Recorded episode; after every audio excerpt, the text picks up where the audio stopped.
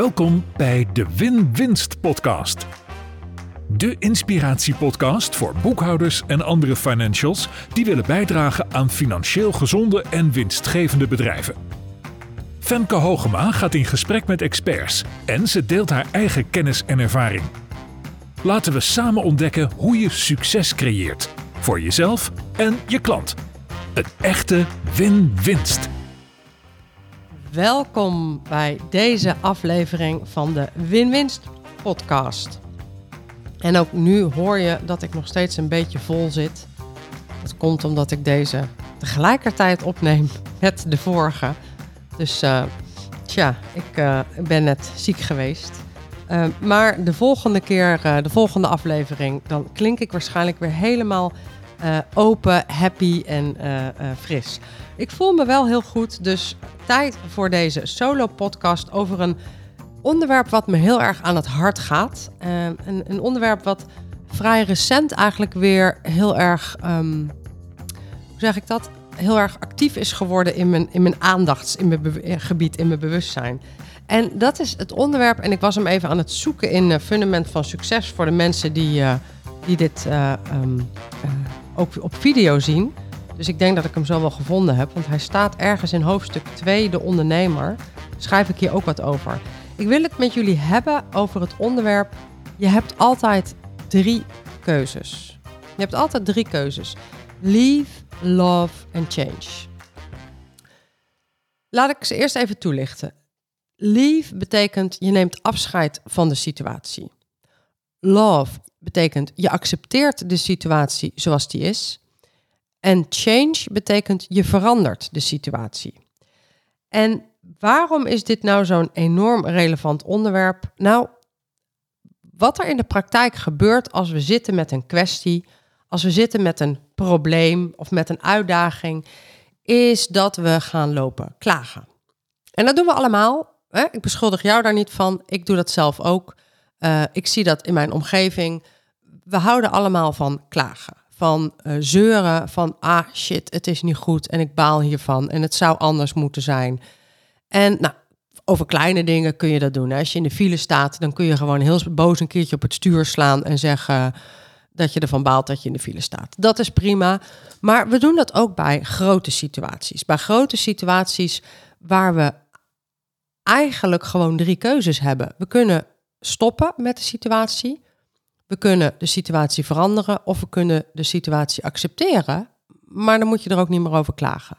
Nou, laten we zo'n zo'n groot ding noemen. Laten we het even, uh, laten we even zeggen, je hebt een baan. We hebben allemaal wel eens een baan gehad. Hè? Ook als je nu ondernemer bent, de kans is groot dat je ooit een baan hebt gehad. Mocht je je daar helemaal niet mee kunnen identificeren, relatie. Je hebt een relatie, die kennen we ook allemaal. Maar laten we even zeggen baan. Je hebt een baan en je hebt het er niet naar je zin. Je hebt een stomme baas um, en uh, de werkzaamheden zijn stom, dus je hebt het niet naar je zin. Nou kun je dus gaan klagen. Dat betekent dat je iedere dag na uh, het werk thuis komt en gaat lopen klagen. En het was weer echt dramatisch. En wat die flapdrol nou weer zei en deed. En het is toch niet normaal? Nou, dat kun je doen, dat is klagen. Dat lijkt heel even lekker te zijn en op te luchten, maar als je dat vaker dan één keer doet over dezelfde situatie, dan kost dat alleen maar energie. Maar er komt een moment dat je omgeving ook gaat zeggen: Ik ben er wel een beetje klaar mee met dat geklaag. Maar dat is klagen. Terwijl als je dit gaat analyseren, je zult erkennen dat je drie opties hebt. Je kunt ontslag nemen, je kunt de situatie veranderen. En dat betekent vaak dat je met je baas gaat praten en gaat zeggen wat er allemaal niet goed gaat en hoe je het anders wil. Of je kunt accepteren dat het zoals het is, zoals het is. En dan klaag je er ook niet meer over. Meer keuzes heb je in essentie niet. Dit inzicht gaat jou, als je dit gaat toepassen in je dagelijks leven, gaat het je enorm veel opleveren.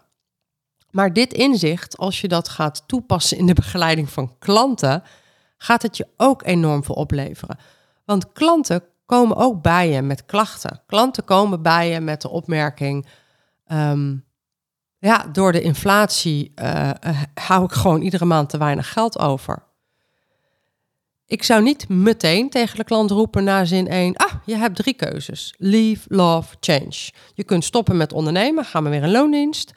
Uh, je kunt het accepteren zoals het is, dan koop je maar wat minder duur brood. Of uh, hè, zoals een klant van mij zei, ik wil wel eens klaar zijn met de pindakaas op brood. Ik wil zalm op brood. Dat je tegen de klant zegt: doe maar geen zalm meer op brood. Ga maar terug naar de pindakaas. Pindakaas op brood is accepteren dat het is zoals het is.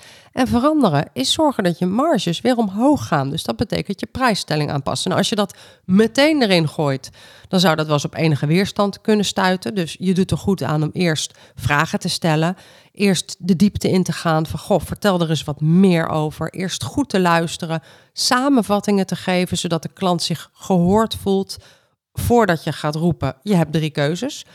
Maar in essentie is het goed voor jou om je te realiseren, oké, mijn klant heeft drie keuzes.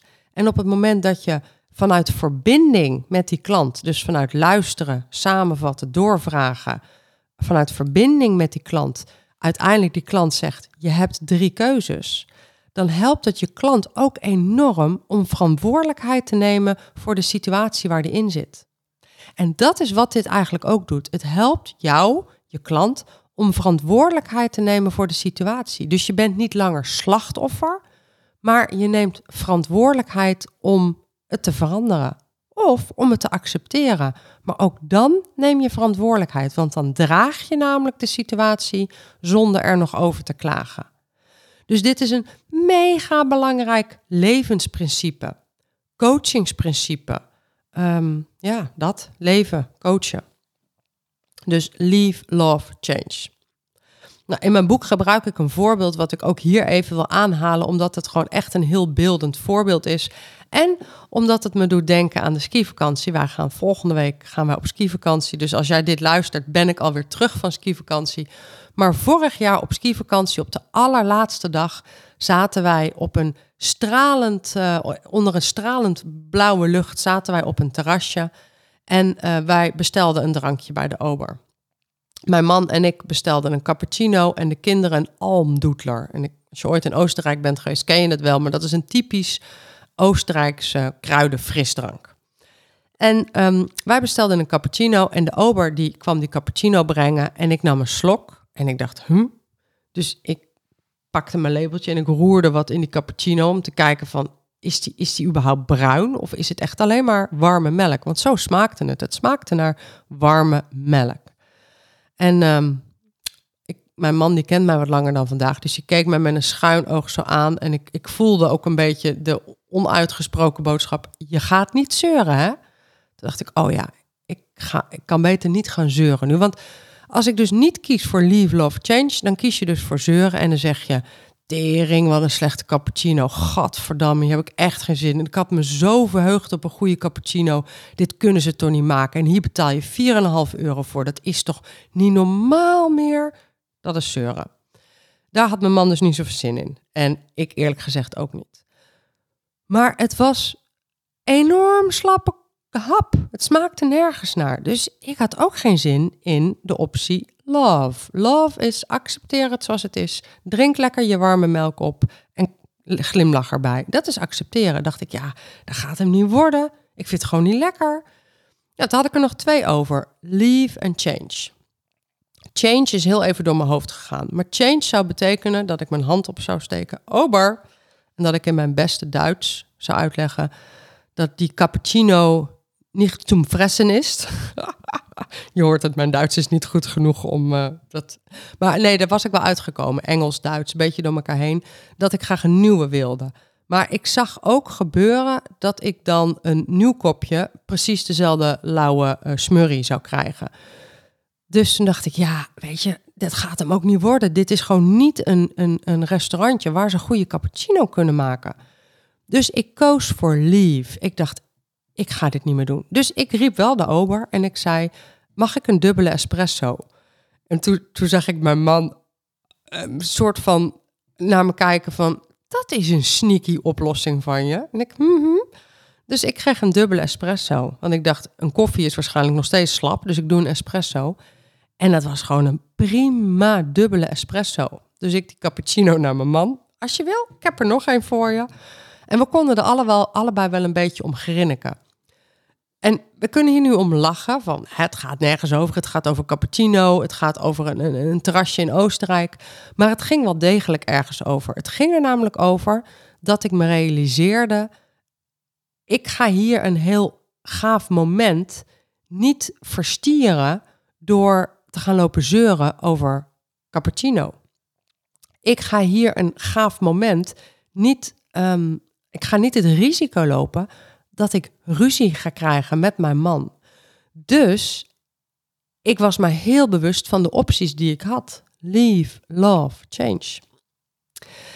En je, dus, dus dit is eigenlijk het allerbelangrijkste wat ik in deze aflevering wil meegeven. Is wees je bewust van iedere keer als iets tegenzit, als het niet gaat zoals jij wil, dat je in essentie drie keuzes hebt. Neem afscheid van de situatie, verander de situatie of accepteer hem zoals die is, maar ga er dan ook niet over lopen zeuren. Als je hierin gaat trainen en je bent je er bewust van in het werken met je klanten dat dit eigenlijk het speelveld is waarbinnen ze opereren, um, ga je moeilijke situaties verhelderen. Ga je keuzevrijheid bieden, maar ga je ook verantwoordelijkheid op de juiste plek leggen. Je bent namelijk in die zin zelf verantwoordelijk om je leven op de juiste manier in te richten. Natuurlijk binnen bepaalde kaders. niet iedereen heeft alle vrijheid, maar op het moment dat je dit soort mindset tools je eigen maakt, kun je meer creëren dan je bewust bent. Kun je meer plezier creëren, kun je meer blijdschap creëren. Een model wat hier heel mooi bij past, is het model van Stephen Covey. Stephen Covey die, uh, um, heeft een model gemaakt met wat eigenlijk bestaat uit twee cirkels. Uh, de cirkel van betrokkenheid, de cirkel van invloed en de cirkel van betrokkenheid. Dus twee cirkels in elkaar. Ik geloof dat die ook in het boek staat. Ik kijk even of ik het plaatje erbij kan vinden voor de kijkers.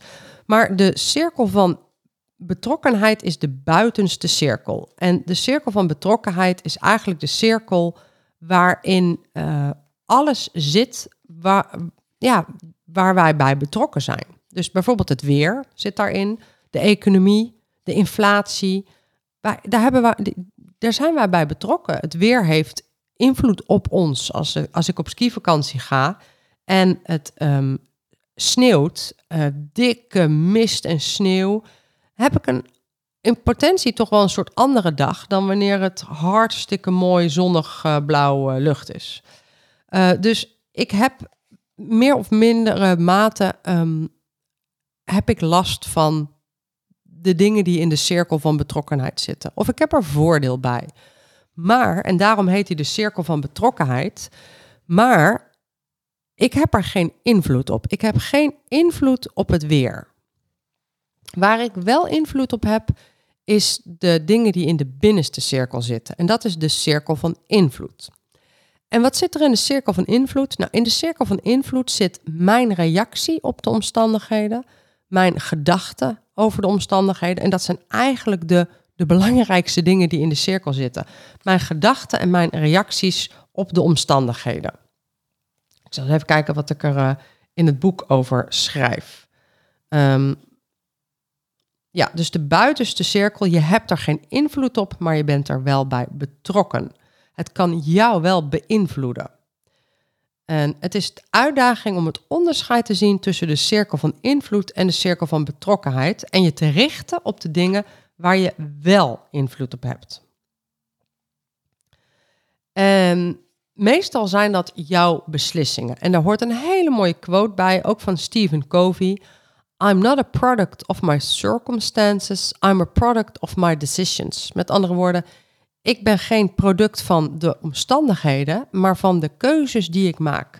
En dat is in essentie waar, waar dat model van Stephen Covey over gaat. Dus de buitenste cirkel, de cirkel van invloed, daar zit alles in wat wel invloed op ons heeft, maar waar wij geen invloed op hebben. Maar de cirkel van invloed, dat binnenste stuk, dat gaat over jouw gedachten, jouw beslissingen uh, jouw gedrag. Gedachten, beslissingen, gedrag. En daar heb je wel invloed op. Dus, nou, laten we die skivakantie er even bij houden. Um, het is buiten slecht weer, het sneeuwt. Daar heb ik geen invloed op, op dat het sneeuwt. De conclusie die ik zo snel even trok, slecht weer, daar heb ik wel invloed op. Je kunt namelijk ook een andere conclusie trekken. Het is fantastisch winterweer. En doordat het nu sneeuwt, kan ik beter skiën, want dan wordt de sneeuw beter. Um, ik heb wel invloed op mijn gedrag. Stel je voor dat het buiten sneeuwt, dan kan ik bijvoorbeeld mijn gedrag aanpassen. Dan kunnen we zeggen, goh, we gaan wat korter skiën en we gaan wat langer opwarmen in een restaurantje. Dan verander ik mijn gedrag, hetgene wat ik doe, met de omstandigheden zoals ze gegeven zijn. Daar heb ik invloed op. Je hebt geen invloed op dat het verkeer zo druk is dat je in de file staat. Daar heb je geen invloed op. Dat is nou wel eenmaal zo. Waar je wel invloed op hebt, is hoe je daarmee omgaat. Je kunt twee dingen doen. Je kunt een podcast gaan luisteren. Dat is de beslissing die je op dat moment neemt. Goh, ik ga even een podcast luisteren. Ik ga even iemand bellen of ik ga een muziekje luisteren. Of ik ga enorm lopen balen. Ik vreet mezelf helemaal op. Zweet breekt me aan alle kanten uit en ik ga enorm lopen mopperen. En als ik thuis kom, dan uh, ben ik thuis, ben ik uit die file. Maar dan loop ik nog steeds als een blok chagrijn door het huis heen. En mijn hele gezin zal weten ook dat ik in die kutfile heb gestaan. Daar heb ik allemaal wel invloed op. Hoe ga ik om met de situatie zoals die is? De combinatie van leave, love, change en de cirkel van invloed en de cirkel van betrokkenheid van Stephen Covey. Combinatie van die twee dingen geeft je enorm veel handvaten om je geluk in eigen hand te nemen. Om je succes in eigen hand te nemen. Dus dat is eigenlijk wat ik je in deze aflevering, um, waar ik je in wil meenemen, is om je de komende tijd eens bewust te zijn van de drie opties die je hebt. Leave, Love, Change. En de cirkel van invloed en de cirkel van betrokkenheid. In hoeverre kun jij je, je gedrag aanpassen? In hoeverre kun je acties aanpassen? In hoeverre kun je je gedachten aanpassen? Want het aanpassen van je gedachten heeft meteen weer een enorme invloed op het aanpassen van, of op je gedrag eigenlijk. En ik had een paar voorbeelden in het boek, dus laat ik die er even bij halen. Kijk, op het moment dat je uh, woont in de cirkel van betrokkenheid, dan zou je bijvoorbeeld kunnen zeggen: Ja, april is nu eenmaal een drukke maand. Ik kan dan mijn kinderen niet vaak naar bed brengen. Dan is de omstandigheid dat april druk is. Nou, dat zou zo kunnen zijn. En jouw conclusie is dan dat je dus de kinderen niet vaak naar bed kunt brengen. Op het moment dat je realiseert dat jij dus bent gaan wonen in de cirkel van betrokkenheid, de buitenste cirkel, kun je bewust de keuze maken. Wat nou als ik naar de binnenste cirkel stap en ik ga kijken naar en waar heb ik invloed op? Want dat is eigenlijk de beweging die je, die je maakt. Je gaat jezelf de vraag stellen: en waar heb ik wel invloed op? En dan zou je kunnen realiseren: hey, als ik hier nou eens wat eerder over na ga denken. April was vorig jaar een hele drukke maand. Wat kan ik nu al doen in februari om te zorgen dat april uh, een acceptabele maand wordt. Dan kun je invloed hebben op de drukte van de maand. Of als april nu eenmaal een drukke maand is en je bent van mening dat jij dat niet kunt beïnvloeden, maar jouw conclusie is dat je dan dus de kinderen niet vaak naar bed kunt brengen, welke andere conclusies zijn er ook mogelijk? Zou je bijvoorbeeld de conclusie kunnen trekken dat je ochtends een uurtje eerder opstaat, zodat je een uurtje eerder begint met werken en dat je dus wel de kinderen naar bed kunt brengen. En dan ga je meteen na de kinderen naar bed en dan heb je ook nog eens voldoende slaap om vervolgens de volgende dag weer een uurtje eerder op te staan. Dus waar kun jij uit de cirkel van betrokkenheid in de cirkel van invloed stappen, zodat je alsnog invloed hebt op de situatie. Nog een voorbeeld. Ik ben deze week vaak op pad. Ik kan daarom niet sporten. Dat is een, een, een, een gegeven. Ik ben vaak op pad. Dat is een gegeven. Dan kun je in je agenda kijken. Oh, ja, ik ben vaak op pad. De conclusie komt uit het wonen in die cirkel van betrokkenheid. Ik ben vaak op pad, dus ik kan niet sporten. Stap in de cirkel van invloed. De situatie verandert niet. Ik ben deze week vaak op pad. Hoe kan ik zorgen dat ik alsnog kan sporten? Dus je hoort het ook al, de hoe-vraag, die speelt hier een rol in. Hè? Dus hoe kan het wel in plaats van het kan dus niet? En dan zou je kunnen zeggen, oké, ik uh, wil wel sporten, dus ik sta deze week één keertje wat eerder op. Of ik um, ga in ieder geval lopend de kinderen uit school halen. Dan heb ik in ieder geval daar nog wat lichaamsbeweging. Of, oh, ik slaap dan en dan in een hotel. Als ik nou zorg dat ik daar op tijd ben, dan kan ik een uurtje door de stad rennen. Of een half uurtje door de stad rennen. Of als je niet van rennen loopt, wandelen. Dan loop ik een half uurtje door de stad. Of ik ben echt hartstikke druk. Maar wat ik wel kan doen, is iedere ochtend vijf minuten, uh, eh, 10 push-ups en 20 squats. En dan kun je zeggen, ja, wat doet dat nou? Ja, dat doet heel veel. Al is het maar dat je dan in beweging blijft. Nog eentje. Ik hou er niet van om in de spotlights te staan. Dat kan zo zijn, hè? daar kan je niet van houden. Social media is daarom niks voor mij. Dat is een conclusie die je trekt op basis van, ja, op basis van een omstandigheid. Dat je ergens niet van houdt. En ik ga dat niet zeggen van dan moet je er maar wel van gaan houden. Zo werkt het niet. Stap je in de cirkel van invloed, dan zou je kunnen zeggen: Ja, ik hou er niet van om in de spotlights te staan. Hoe? Daar heb je meer. Hoe kan ik ervoor zorgen dat social media wel voor me gaat werken? Of wat zijn andere manieren om marketing voor mij te laten werken? Dus het, het stellen van de hoe-wel-vraag uh, brengt je enerzijds in de cirkel van invloed en anderzijds geeft weer een aantal mogelijkheden die je voorheen niet zag. Het verbreedt letterlijk je mogelijkheden. De laatste is er eentje die heel veel van jullie wel regelmatig zullen meemaken. Ik laat nu alles uit mijn handen vallen, want ik krijg een urgente e-mail. Dat is niet altijd een hele bewuste gedachte. Vaak is het zo dat je, uh, dat, je dat gewoon doet. Hè? Je krijgt een urgente e-mail, dus je laat alles uit je handen vallen. Op het moment dat je realiseert dat je dus dat doet op basis van een omstandigheid, ik krijg een urgente e-mail, kun je ook dan weer de vraag stellen: ik krijg een urgente e-mail. En wat ga ik daar nu mee doen? Ga ik vanmiddag daar een 20 minuten voor inplannen?